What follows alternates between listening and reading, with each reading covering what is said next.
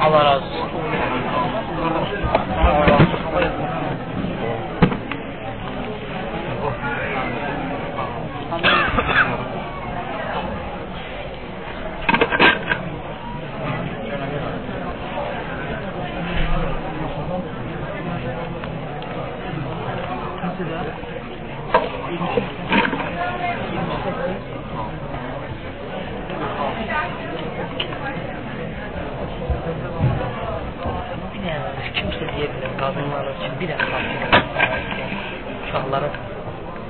Deyirlər ki, mən tutanam.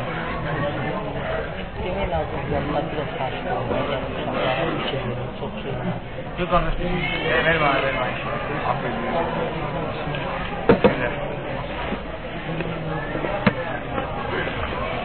Bismillah. Gəl maaş almış sənsiz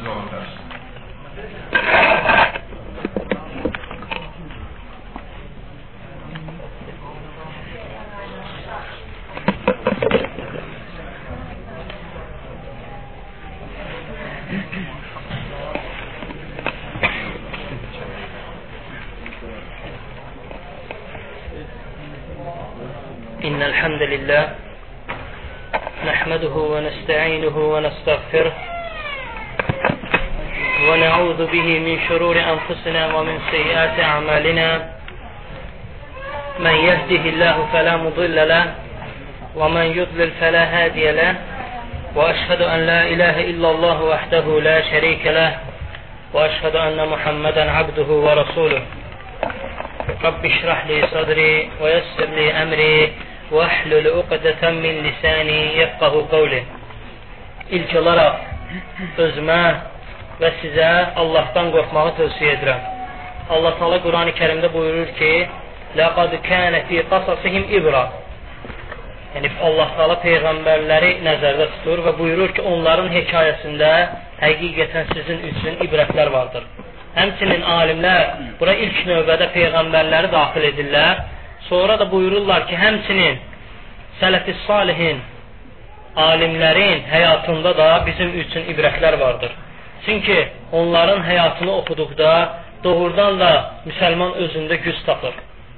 Onların başına gələn imtahanları, onların ibadətlərini gördükdə müsəlman təəccüblənir və onlara oxşama oxşamağa çalışır. Həmçinin də xüsusən də biz sələf-i salih öz alimlərimizi tanımalıyıq.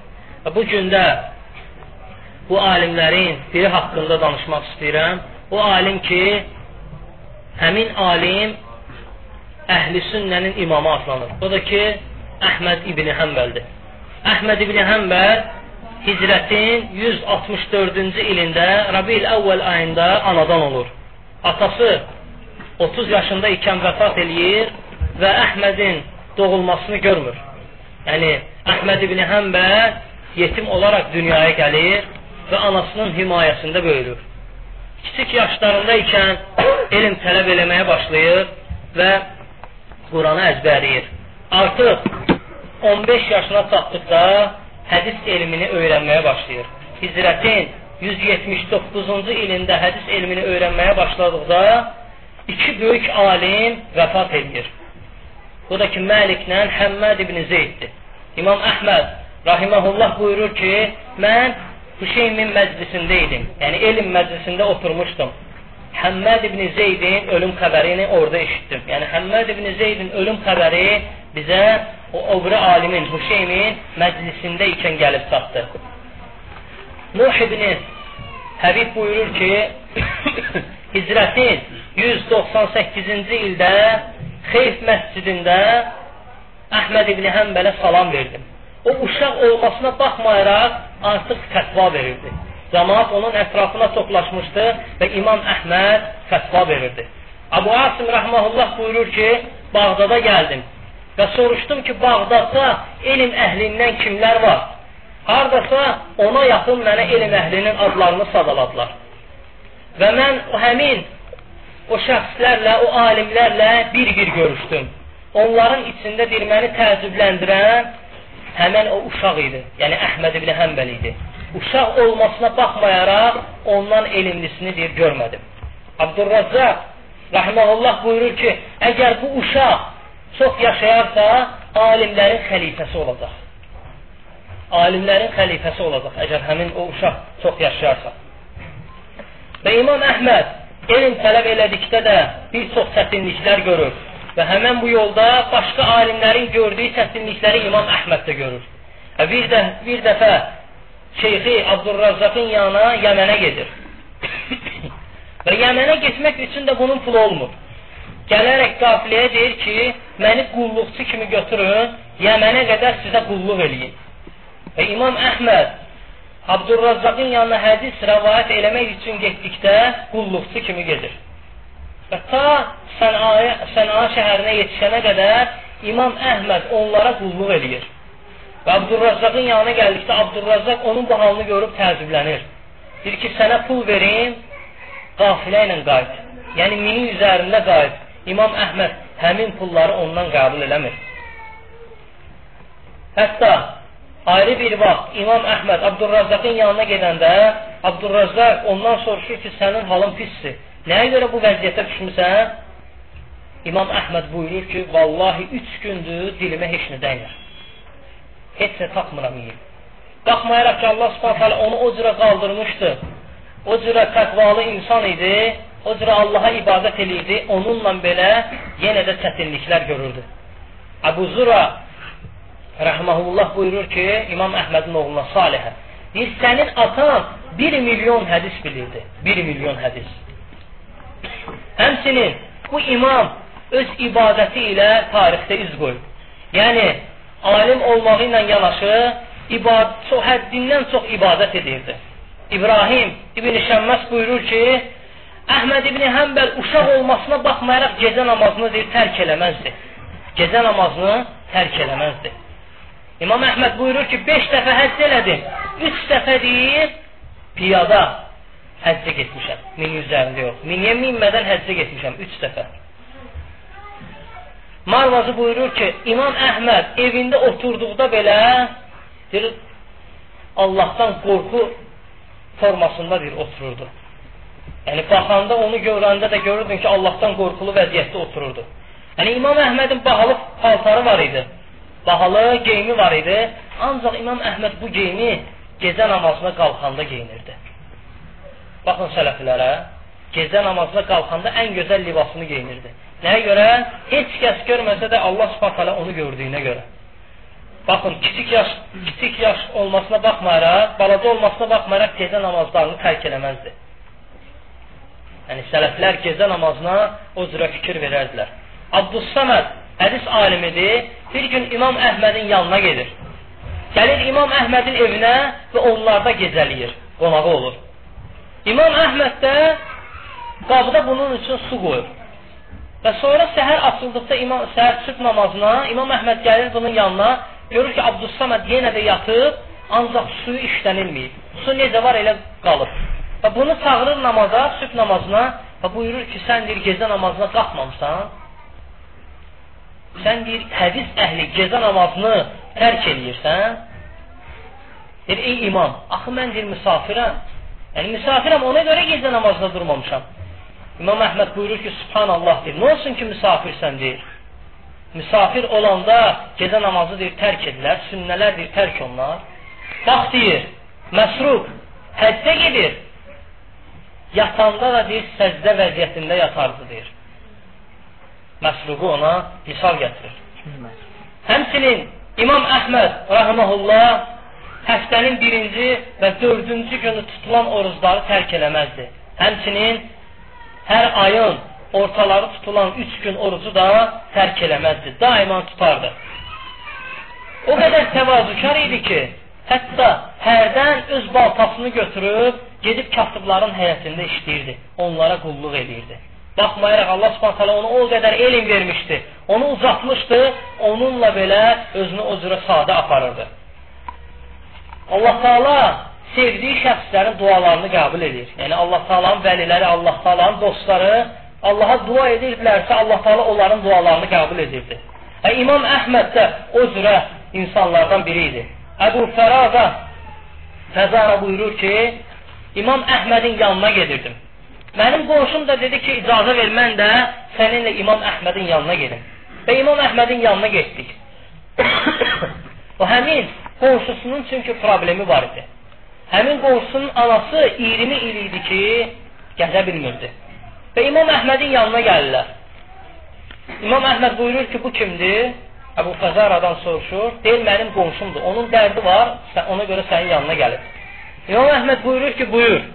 O deyir ki, mənim anam məni sənin yanıma göndərib. Anam 20 ildir ki, gəzə bilmir, ayaqları tutulur. Və mənə dedi ki, get İmam Əhmədə denən ki, mənim üçün dua eləsin. İmam Əhməd hisslənir. Buyurur ki, bizim özümüzün duaya ehtiyacı var, deyir. Nətər deyir onun üçün, onun üçün, onun bunun üçün dua eləyim. Deyir, çıxın deyir. Və həmin kişi buyurur ki, mən deyir, İmam Əhmədin yanından çıxdım. Ancaq deyir, İmam Əhmədin dua etdiyini eşitdim. Eşitdim ki, İmam Əhməd anam üçün dua eləyir. Və sonra deyir, evimə qayıtdım. Qapını döydükdə gördüm ki, anam deyir, gəlib qapını açdı deyir. Mən deyir, bu hadisəni görəndə deyir, dəhşətə gəldim. Baxın, Allah subhanətə verdiyi kəramətdir. Allah Taala sevimli bəndələrin dualarını bu cürə qəbul edir. İmam Əhməd nəyi bilirdisə, ona əməl edirdi. Ona görə Marvazi rəhməhullah buyurur ki, İmam Əhməd bir gün mənə dedi, deyir, mən elə deyir, hədis yazmamışam ki, ona əməl eləməyim. Hətta bir gün deyir, hədis oxudum, hədis tapdım ki, Peyğəmbər sallallahu aleyhi və səlləm bir dinar verdi və qan aldırdı. Mən də deyir, getdim, bir dinar verərək qan aldırdım, deyir. Baxın, hər bir həcdə bu cürə əməl edirdi İmam Əhməd. Məşhur alimlərdən olan Yəhyə ibn Məyin buyurur ki, 50 il İmam Əhmədlə dostluq elədim. Bir dəfə də olsun etdiyi xeyrə görə fərəhləndiyini, fəxr elədiyini görmədim. İmam Əhməd buyurur ki, Allah qorxusu məni doyunca, doyunca yeməyə və içməyə qədər qadaran elədi. Yəni Allah bu Allahdan o qədər qorxurdum ki, hətta nə doyunca, nə yedim, nə də ki doyunca bir içdim deyir. Dünyanın hər bir gözəl nemətindən İmam Əhməd çətin olsa belə, çətinlikdə olsa belə etiraz edirdi. Bir gün İmam Şafii rahimehullah İmam Əhmədin yanına gəlib buyurur ki, möminlərin əmri mənə dedi ki, mən Yəmənə qazı gedim. Yəni, məni Yəmənə qazı göndərmək istəyir. İmam Əhmədə buyurur ki, sənin dolanışığın, vəziyyətin çox çətindir. Bəlkə deyir, sən gedəsən. Həmçinin sən Abdurrazaqdan hədis rəvayət eləməyi çox xoşlayırsan. Abdurrazaqdan dərs almağı çox xoşlayırsan. Bəlkə ona görə sən gedəsən. Həm elm alarsan, həm haqla hökm verərsən, həm də ki, ehtiyaclarını ödəyərsən. İmam Əhməd rahiməhullah İmam Şəfiyə buyurur ki, Vallahi bir də bu sözü, bu təklifi mənə eləsən, məni öz yanında görməyəcəksən. Məni öz yanında görməyəcəksən. Abdurrazzaq rahiməhullah buyurur ki, mən ondan elmli, ondan çox Allahdan qorxan insan görmədim. Abu Davud rahiməhullah buyurur ki, onun bir məclisi axirət məclisi idi bir dəfə də olsun onun məclisində dünya zikr olunduğunu deyir, görmədim. İmam Əhməd kasıbları çox sevirdi. Mərvazi ona görə deyir ki, ən çox kasıb onun məclisinə gəlirdi. Ən çox kasıb İmam Əhmədin məclisinə gəlirdi. Alimlərdən olan Yezid ibn Harun zarafat eləməyi çox xoşlayırdı. Və hər bir şəxslə zarafat eləyirdi. Və buyurur ki, yeganə şəxs İmam Əhməddir ki, Mən deyir, onunla deyir, zarafat eləməmişəm deyir. Mən deyir, o qədər onun deyir, xətrini ucaq tuturdum ki, o qədər ona ikram edirdim ki, gəlib deyir, onun yanında otururdum və bir dəfə də olsun onunla zarafat eləmədim deyir. İmam Əhməd özü çox yumuşaq insan olsa da, ancaq Allah üçün daima hisslənərdi. Ona görə Abdüssaməd Ət-Tayalisi buyurur ki, İmam Əhmədin yanına gəldim və əlimi onun bədəninə sürtdüm. Bədəninə sürtdüm, sonra öz bədənimə sürtdüm. Yəni, tabarruk edir İmam Əhmədlə. İmam Əhməd deyir, üz, mənə deyir, üzümə deyir, baxdı. Vallahi deyir, elə hissləndi ki, mən onun elə hissli halını görməmişdim. Sonra mənə buyurdu ki, bu şeyi siz kimdən öyrənmişsiniz? Yəni, etdiyiniz bu şey Allah Taalanın şəriətinə müxalifdir. Hətta xristiyan gördükdə belə İmam Əhməd gözlərini bağlayırdı. Ondan soruşduqda ki, nəyə görə belə edirsən, nəyə görə gözlərimi bağlayırsan?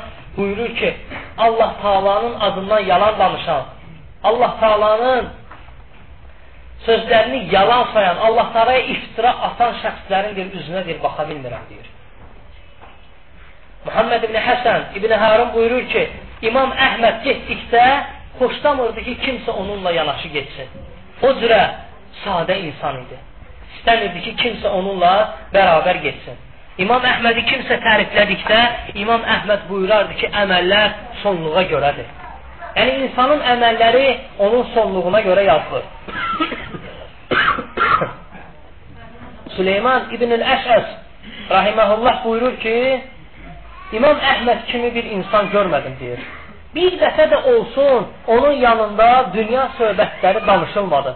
Hətta deyir, mal sahibləri zikr olunduqda İmam Əhməd deyirdi ki, nicat tapanlar o şəxslər deyil. Nicat tapanlar o şəxslərdir ki, sabah deyir nicat tapacaqlar. Yəni, ahirət günü nicat tapacaqlar. Marvazi rəhməhullah buyurur ki, bir gün İmam Əhmədin yanına gəldim və ona buyurdum. Bu günlərim yuxudan necə qalxmısan? İmam Əhməd oturdu, üzümə baxıb və dedi ki, o şəxs ki, onun Rəbbi ona vacib buyuranları tələb edir və Peyğəmbəri onun sünnəsinə riayət eləməyi tələb edir. Həmçinin iki mələk, yəni sağında və solunda duran iki mələk ondan yaxşı işləri görməyi tələb edir. Nəfsi havasına, yəni ağlına pis işlərə tabi olmağı tələb edir. Şeytan onunla deyir, dost olmağı tələb edir. Və ölüm mələyi onun ruhunu almaq istəyir və həmçinin də ailəsi ondan ruzi istəyir. Deyir, həmin şəxsin vəziyyəti necə ola bilər? Və İmam Əhmədə çoxlu alimlər onu tərifləyib. Bunlardan bəzilərini qısa olaraq qeyd edirəm. Və ki, həmçinin Həfs ibn Riyas buyururlar ki, vallahi Küfəyə bu uşaq kimi, yəni Əhməd ibn Həmbəl kimi ikinci bir şəxs daxil olmadı. İmam, İmam Şafii rəhməhullah buyurur ki, Bağdaddan çıxdığında ondan elmli, ondan fəhmli, ondan əfsəl və ondan çox Allahdan qorxan insan deyir, görmədim. Əli ibn-i Mədini rahiməhullah onun bayrada buyurur ki, Allah Taala bu dini iki şəxsin əli ilə izzətləndirib. Birincisi Abu Bakrın Siddiq, ikincisi də ki Əhməd ibn Həmbəl. Buyurur ki, birinci Abu Bakrın Siddiq Riddə günü, o vaxtı ki bəzi insanlar, ərəblər İslamdan çıxdılar, həmin günü Allah Taala Abu Bakrın Siddiqin əli ilə İslamı izzətləndirir. İkincisi isə Əhməd həmin bu fitnədə Hansı ki, inşallah birazdan o fitnə barəsində danışacağam. Buyurur ki, həmin fitnədə Allah Taala onun əli ilə İslamı izzətləndirdi. Sonra bu buyurur ki, Əli ibn el-Mədini rəhməhullah. Bu mövqedə Əhməd ibn Həmbəl İmam e, e, Əhməd ibn Həmbəl Abu Bakrdan da fəzilətlidir. Çünki deyir Abu Bakr həmin fitnəyə düşəndə ətrafında deyir sahabələr var idi.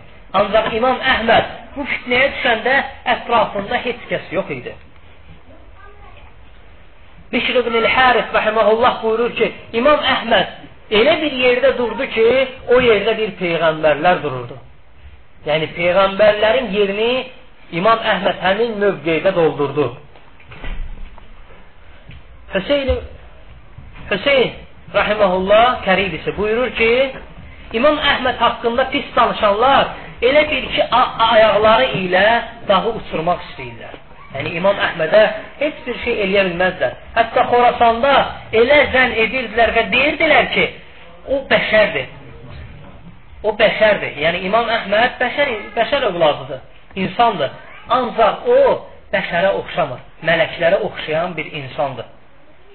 İmam Şafii rəhməhullah onun elmi barədə buyurur ki, o bizdən yox, biz ondan bir faydalandıq deyir. O bizim, bizdən faydalanmağa gəlirdi, əksinə isə bizdir, ondan bir faydalanırdıq.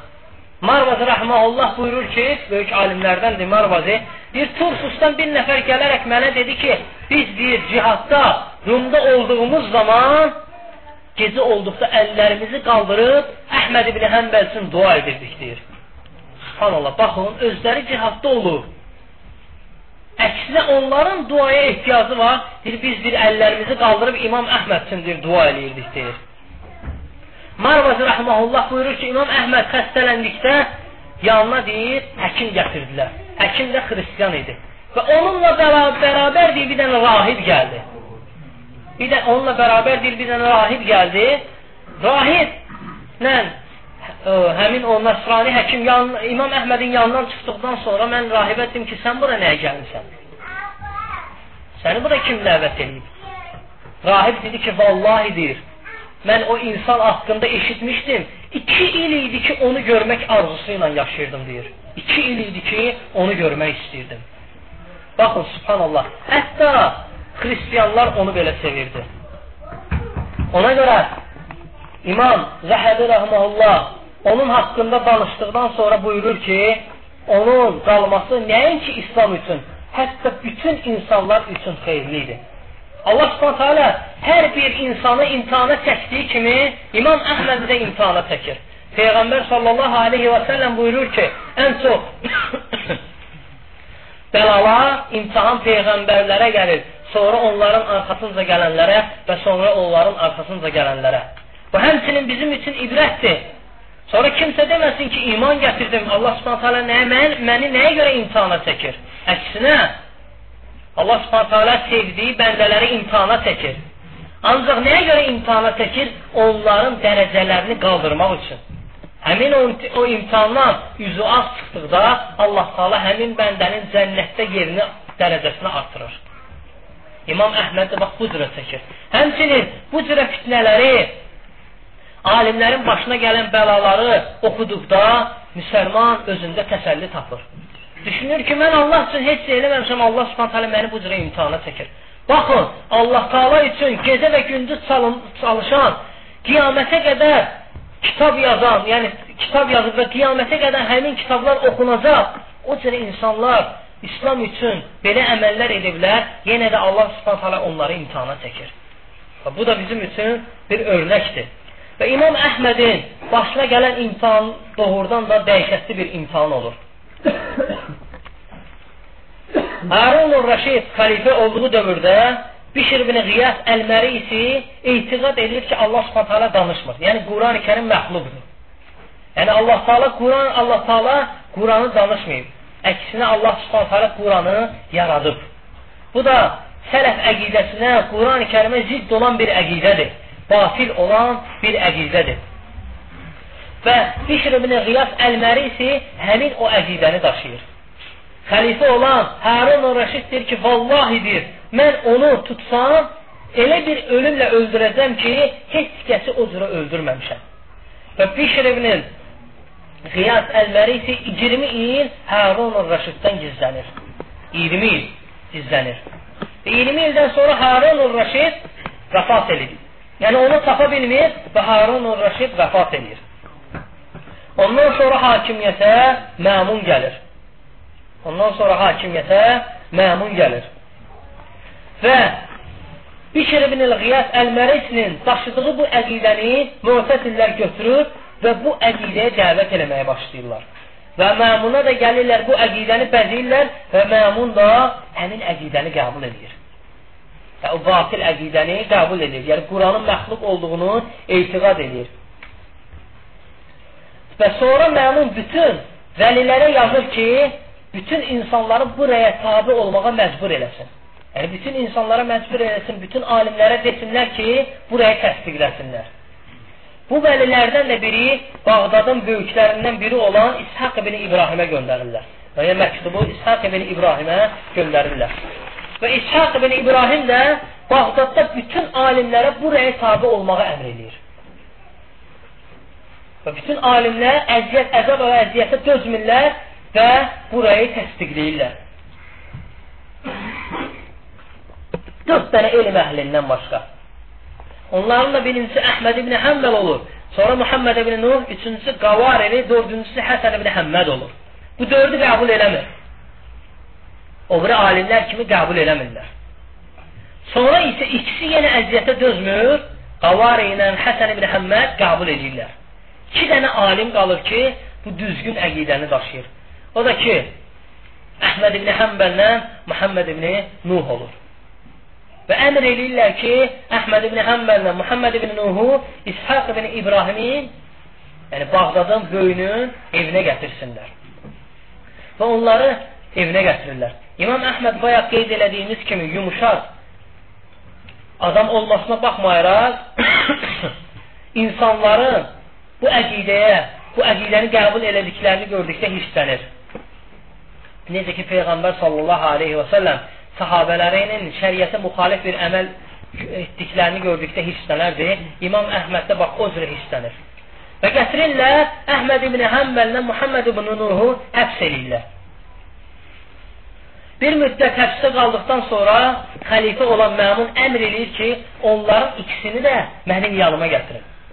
Sonra Məmun buyurur ki, vallahi İmam Əhməd mənim yanıma gəldiyi zaman onu elə doğratdıracam ki, onun tikələri ələ gəlməsin. Yəni, elə tikələrini elə doğratdıracam ki, tikələri ələ gəlməsin. Baxın, subhanallah. Təsəvvür elə, bizim biri, kimdən birimizə desələr, biz həmən rəyimizdən dönərik. İmam Əhməd rəyindən dönmür. Həmsinin də Muhammed ibn Nuh. Baxmayaraq məmun deyir ki, onlar bir mənim yanıma satsalar, İmam Əhməd bir mənim yanıma satsa, onu tikə-tikə doğratdıradan deyir, onun tikələri deyir, ələ gəlməsin deyir. Və onları məmunu xəlifənin yanına aparırlar. Və bunlar ikisi də yolda ikən dua edir ki, ya Rabbim bizi məmunla görüşdürmə.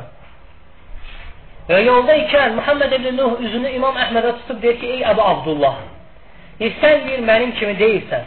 İnsanlar hamısı sənin rəyini qəbul edirlər. Onların hamısı sənin dediklərinə tabi olurlar. İndi hamı sənin rəyini gözləyir ki, sən nə deyəcəksən. Allahdan qorx və bu yolda səbr elə. Yəni, tutduğun rəydən, haqq yoldan dönmə. Allahdan qorx və səbr elə. Sonra, bir az sonra deyir, İmam Əhməd buyurur ki, Muhammed İbn Nuh vəfat elədi. Allah Taala deyir onu məmunla qarşılaşdırmadı və gözəl sonluqla Muhammed ibn Nuh bu dünyadan deyir köçdü deyir. Məni də mən deyir mən də deyir ona deyir cənazə namazını qıldım və onu deyir dəfn elədikdən sonra yolumuza deyir davam elədim. Ya yolumuza deyir davam elədik.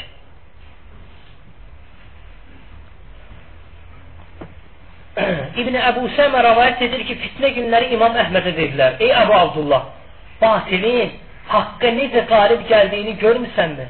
Yəni görsən, haqq batilə qalib, e, batil haqqa qalib gəldi. İmam Əhməd buyurur ki, xeyr, vallahi ki, yox. Batil o zaman bir haqqdan üstün olur ki, haqqa qalib gəlir ki, qəlblər batilə doğru çevrilsin. Amma vallahi bizim qəlbimiz haqq ilə bir yerdədir. Əbu Cəfər Əl-Ənbəri rahiməhullah rəvayət edərək buyurur ki, Əhməd məmunun yanına aparıldıqda, yolda ikən onun yanına gələrək salam verdim və dedim, bugün sən bir başsan, insanlar sənin dediklərinə tabi olurlar. Vallahi sən bu əqidəni qəbul etsən, insanlar da bu əqidəni qəbul edəcəklər. Ölüm hamımıza gələcək. Çünki ölüm bir haqdır. Səni öldürsələr belə Allahdan qorx və yolundan bir dönmə. İmam Əhməd ağlamağa başlayır və buyurur ki, o sözlərini deyir, bir də deyir, təkrar elə. Başqa biri İmam Əhmədin yanına gələrək buyurur ki, ey Əhməd deyir, sən, səni haqq üzərində öldürsələr, bil ki, şəhid olacaqsan.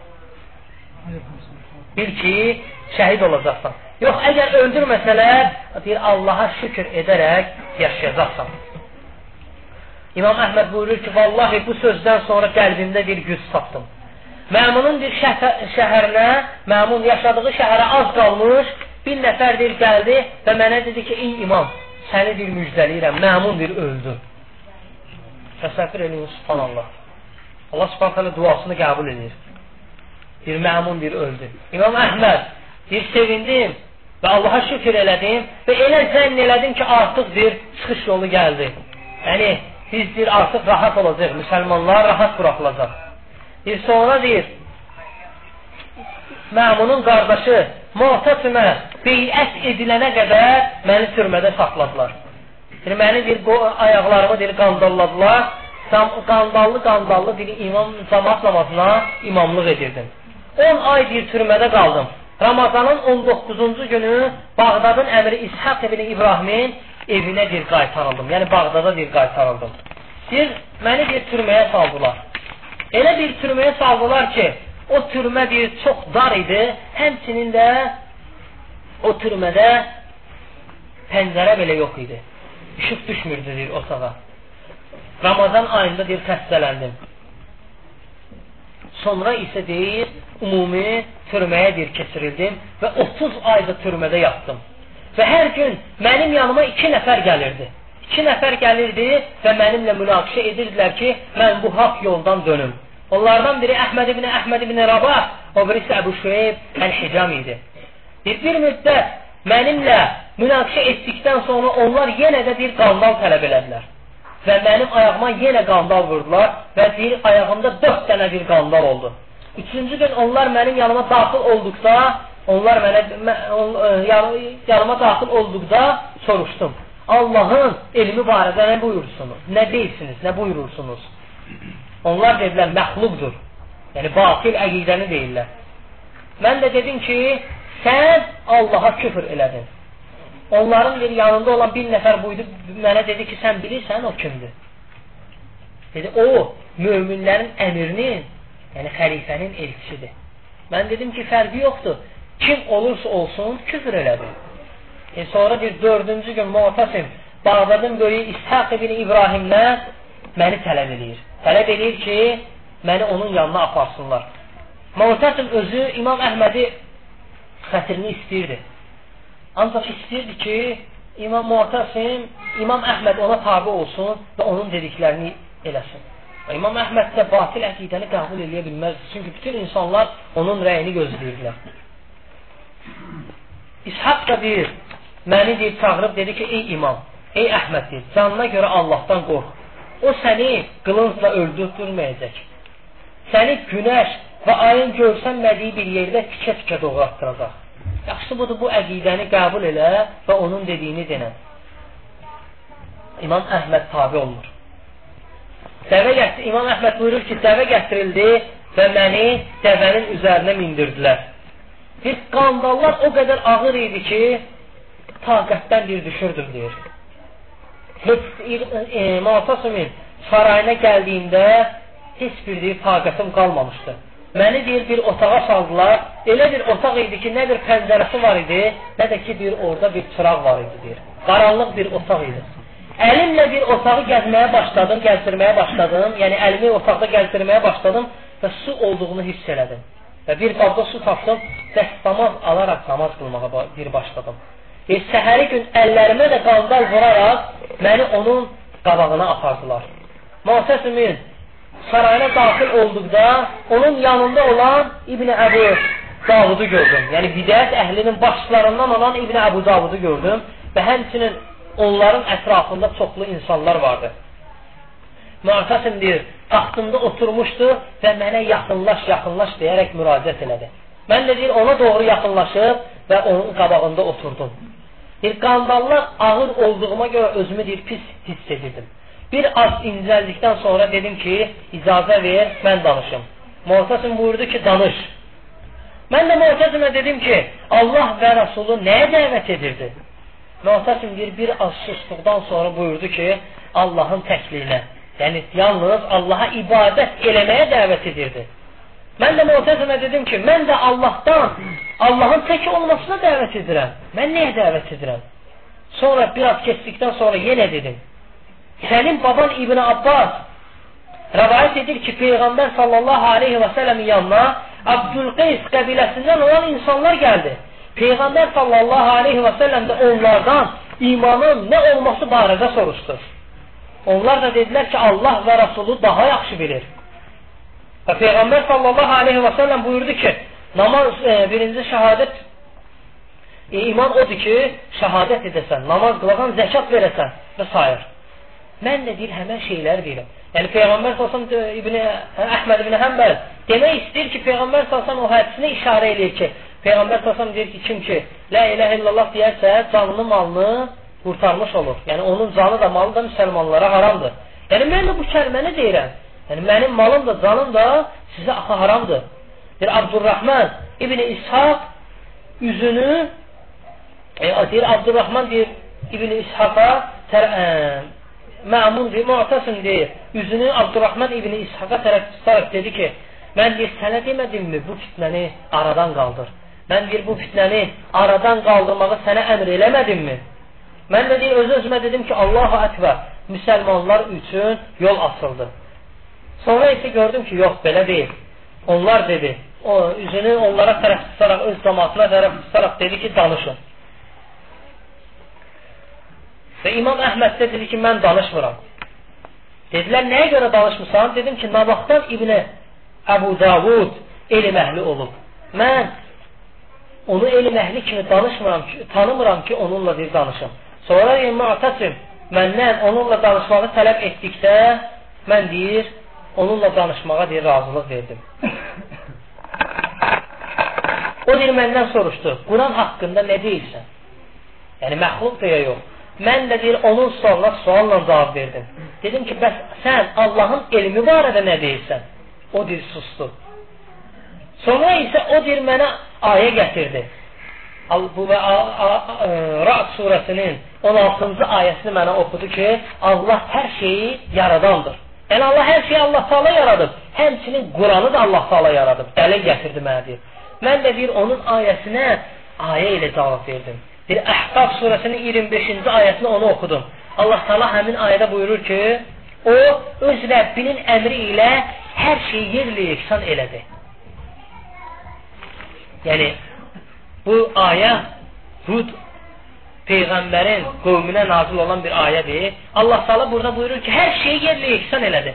Ancaq Hud qəbiləsində hər şeyi hər şeyi yerlə yeksan eləmir, yalnız Hudun qəbiləsini yerlə yeksan eləyir. Yəni İmam Əhməd demək istəyir ki, Allah Taala da burada hər şey istədi, hər şey sözünü istədir. Ancaq Allah Taala'nın istədiyi şeylər qalır. Əbu Davud nə qədər versə də İmam Əhməd onun sualının lazımınca cavab verir. Sonra İbn Əbu Davud hirsindən bir partlayırdır. Hirsinin bir həddi hududu yox idi. Söz tapmadıqda müəssəsimə deyir ki, ey möminlərin əmri, Allaha and olsun ki, o həqiqətən də zəlalət əhlidir. İmam Əhməd deyir ki, bir dənə söz deyir ki, mənə Qurandan və yaxud da hədisdən dəlil gətirin. Mənə Qurandan və yaxud da ki, hədisdən dəlil gətirin. O qədər deyir, İmam Əhməd bu sözü deyirdi ki, axırda İbn Əbu Davud hissənir. Buyurur ki, sən deyir, Quran və sünnədən başqa bir dəlil gətirə bilmirsən? İmam Əhməd buyurur ki, aha, sən küfr elədin.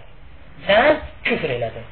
İbn Səma buyurur ki, ey möminlərin əmri, öldü o, canımız onun əlindən qurtarsın. Onun qanı da bizim boynumuzdadır. Biz Allaha qiyamət günü cavab verərik. Yəni sənə ona görə bir cəza yazılmaz. Onların ətrafında olan Abdurrahman da buyurur ki, ey möminlərin əmri, vallahi 30 ildir ki, mən onu tanıyıram. O insanları sənə tabi olmağa çağırır. Həmçinin həcc eləyir, insanlarla, e, sən, e, insanlarla birlikdə cihad eləyir sənin başda, yəni bayrağın altında, başçılığın altında sənə tabi olmağı əmr eləyir. Sənin bayrağın altında cihad eləyir. Nəyə görə onu öldürtdürürsən? Mu'təsində buyurur ki, vallahi doğrudan da o həqiqətən alimdir, fəqihdir. Bir məğribdən sonra İbn Əbu Davud iki nəfər təyin eləyir ki, o, o iki nəfər bir mənimlə bir yatırdılar, mənimlə qalxırdılar və dayanmadan mənimlə münaqişə edirdilər ki, Mən deyir, tutduğum rəydən dönüm.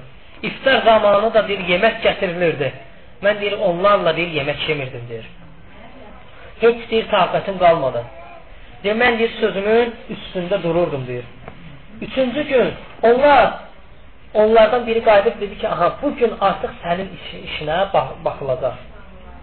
Bu gün sənin işinə baxılacaq. Sabahsı gün bir məni deyir, onun huzuruna gətirdilər. İçəri daxil olduqda deyir, əllərində qılınc və bəzilərinin əllərində də qamçı olan insanlar deyir, gördüm. Sonra yenə də mənə deyir, münaqişəyə vadar elədilər.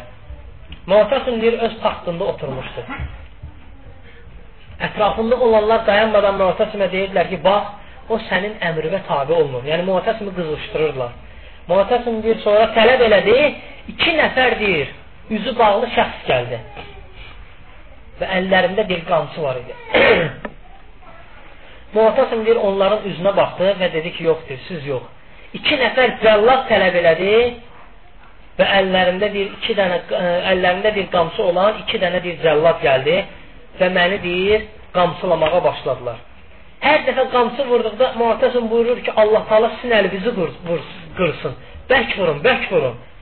Və hərisi iki dənə vurduqdan sonra yeni cəlladlar gəlirdi. Ta deyir 17 dənə mənə deyir qamçı vurmuşdular, ta taqətdən düşdüm deyir. Məni deyir insanlar qollarını alaraq qaldırdılar. Muhtəsim üzünü mənə tərəf tutaraq dedi ki, vallahi mən sənə qarşı rəhimliyəm, şəfqətliyəm. Tutduğun rəydən dön. Mən yenə də deyir, tutduğum rəydən dönmürdüm. Deyirdim ki, mənə Qurandan və yaxud da sünnədən dəlil gətirin. Sonra isə İbn Əbu Davud buyurur ki, ey bir möminlərin əmri, onu öldürmə. Çünki deyir, onu öz evində öldürsən, insanlar daha da onu ucaldacaqlar. Və onun xətrini daha da çox istəyəcəklər. Onu elə bir vəziyyətə sal ki, ondan sonra onu bıraq, o geyib qıraqda bir ölsün. Yəni sənin sarayında ölməsin. Bəziləri də deyir, deyirdilər ki, ey, ey, ey möminlərin əmri, öldür, onun qanı deyir bizim boynumuzadır, deyir, öldür. Bəziləri isə məmuna deyirlər ki, e, Muğtəsimə deyirlər ki, Muğtəsim deyir, urus tutmusan deyir oyuzlu halda bir onu öldürmə deyir. İmam Əhməd deyir ki, mən bir dənə söz deyirdim.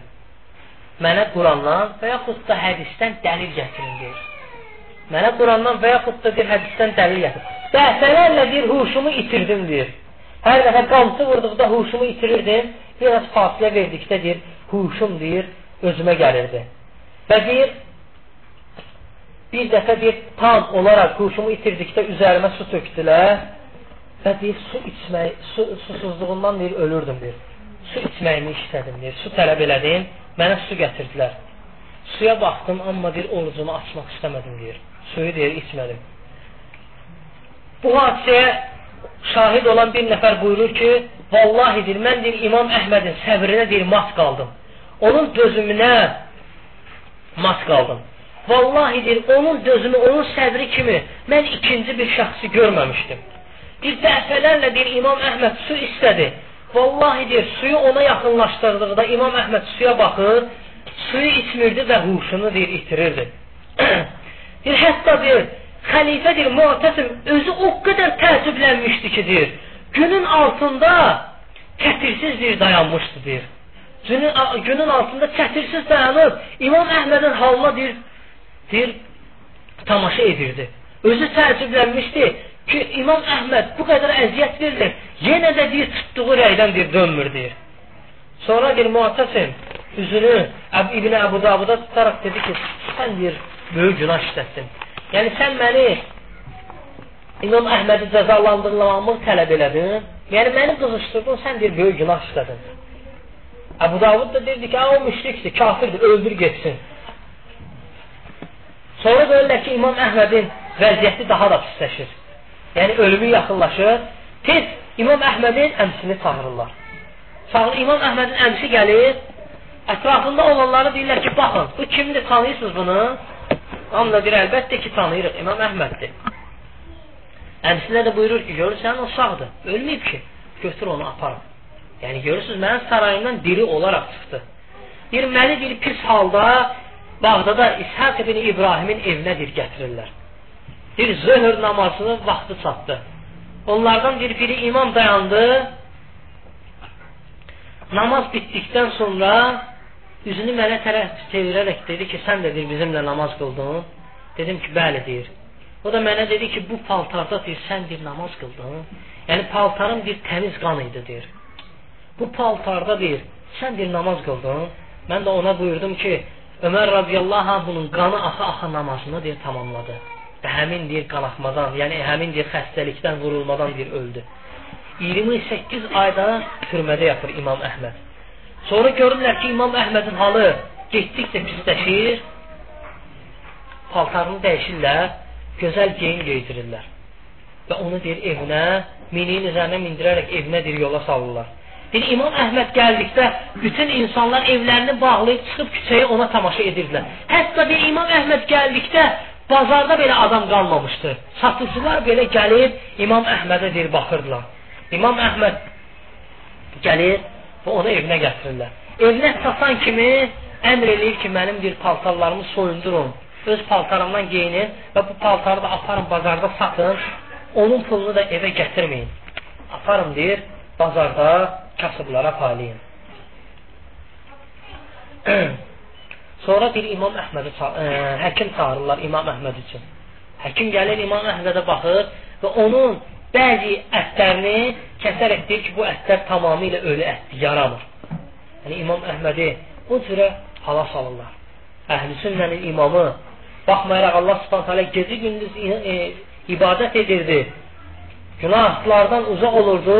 Onunla belə baxın o görün necə əziyyətlər çəkirdi. İmam Əhməd biraz sonra özünə gəlməyə başlayır. Cəmaat namazına, cümələrə, cümələrə çıxmağa başlayır. Biraz sonra isə dərslərə davam edir. Yəni dərs deməyə İmam Əhməd başlayır. Və Mu'tasim dərs ölənə qədər İmam Əhməd dərs deyir.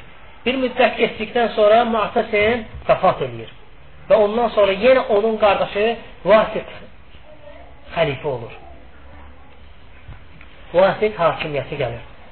Vasit hakimiyyəti gəldikdə nəinki alimlərə qarşı, hətta adi insanlara qarşı cəzalar tətbiq edir. Yəni adi insanlar bu rəyi, bu batil əqidəni dəstəkləmədikləri üçün onlara da cəza qaldırır. Və İmam Əhmədin yəni bəla, fitnə bir, biri-birinin ardınca əvəzləyirdi. Fitnələr biri-birinin ardınca verir, onu əvəzləyirdi. İmam Əhməd səbr edir, o qədər döymələrin qabağında, döymələrin qabağında İmam Əhməd rəyindən dönmürdü.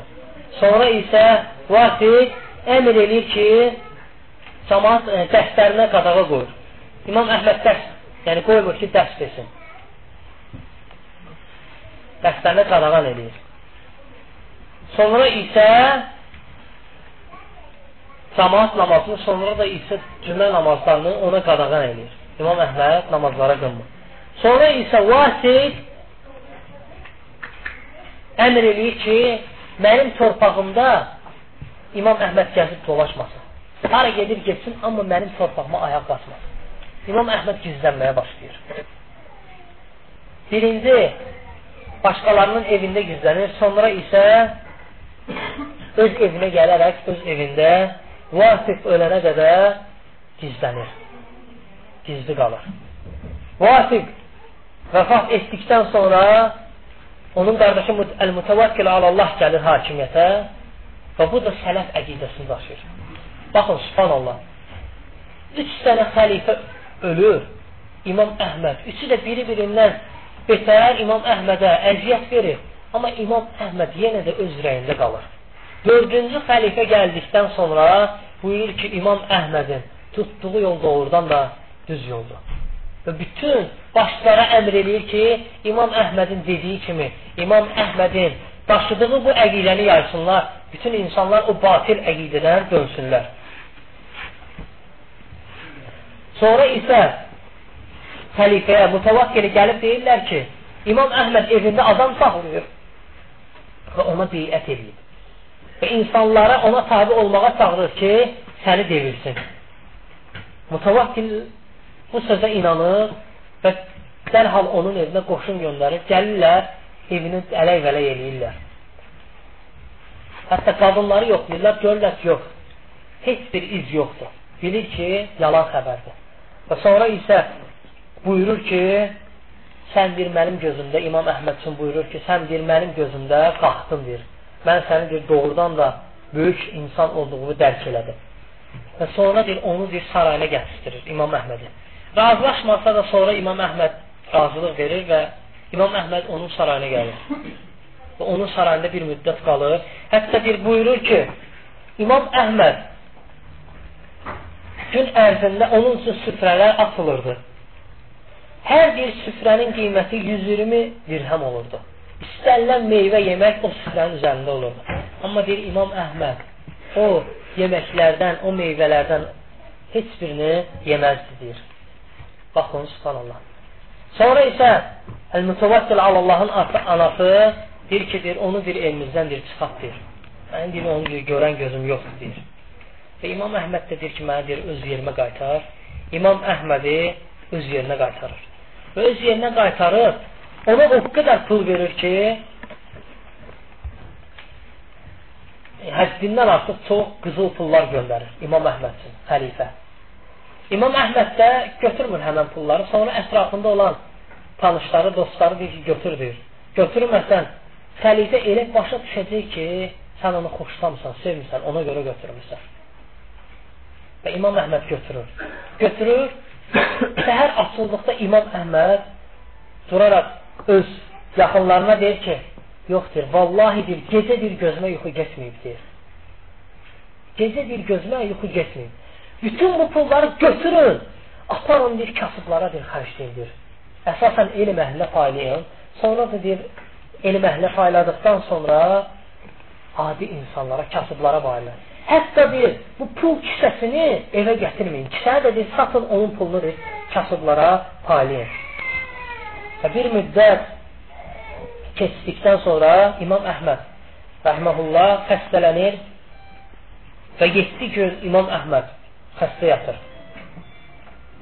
7 gün İmam Əhməd xəstə yatır.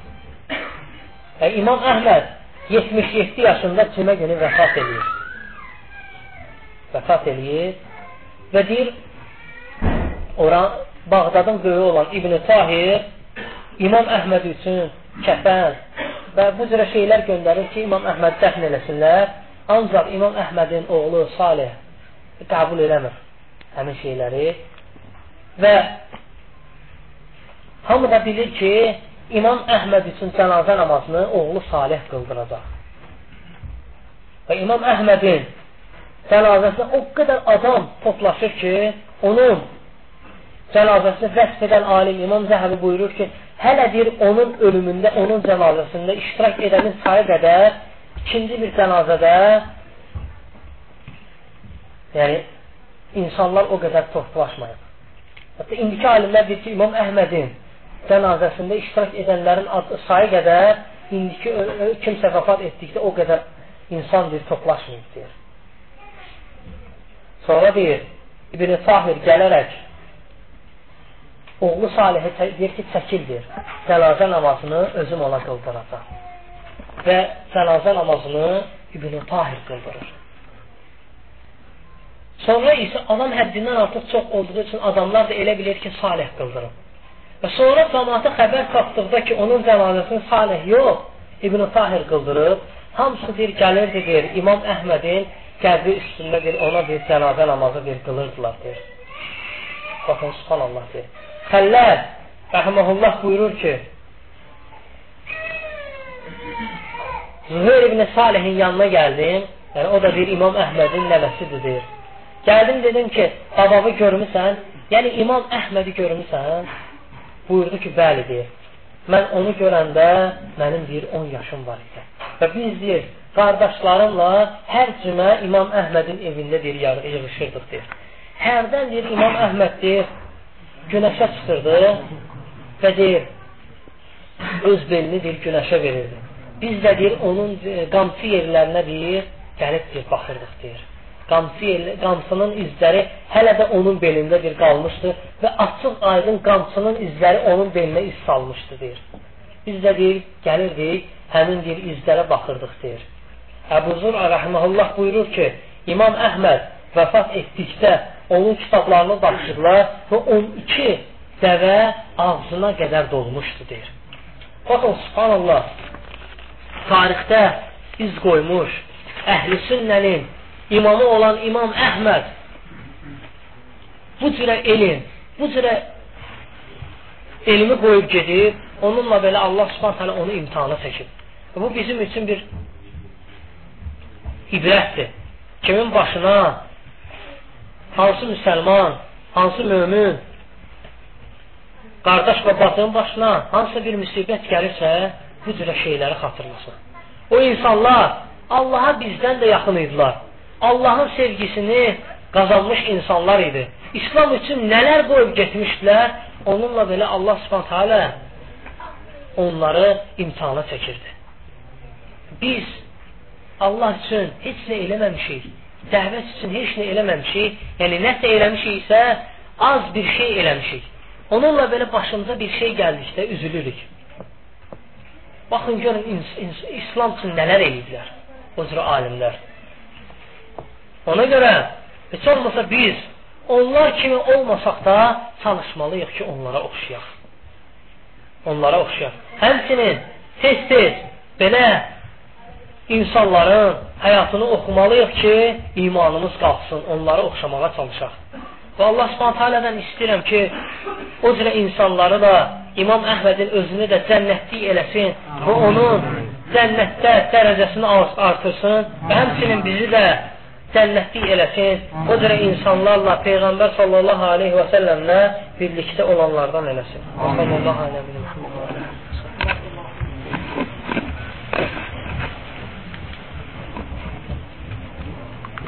Aydın.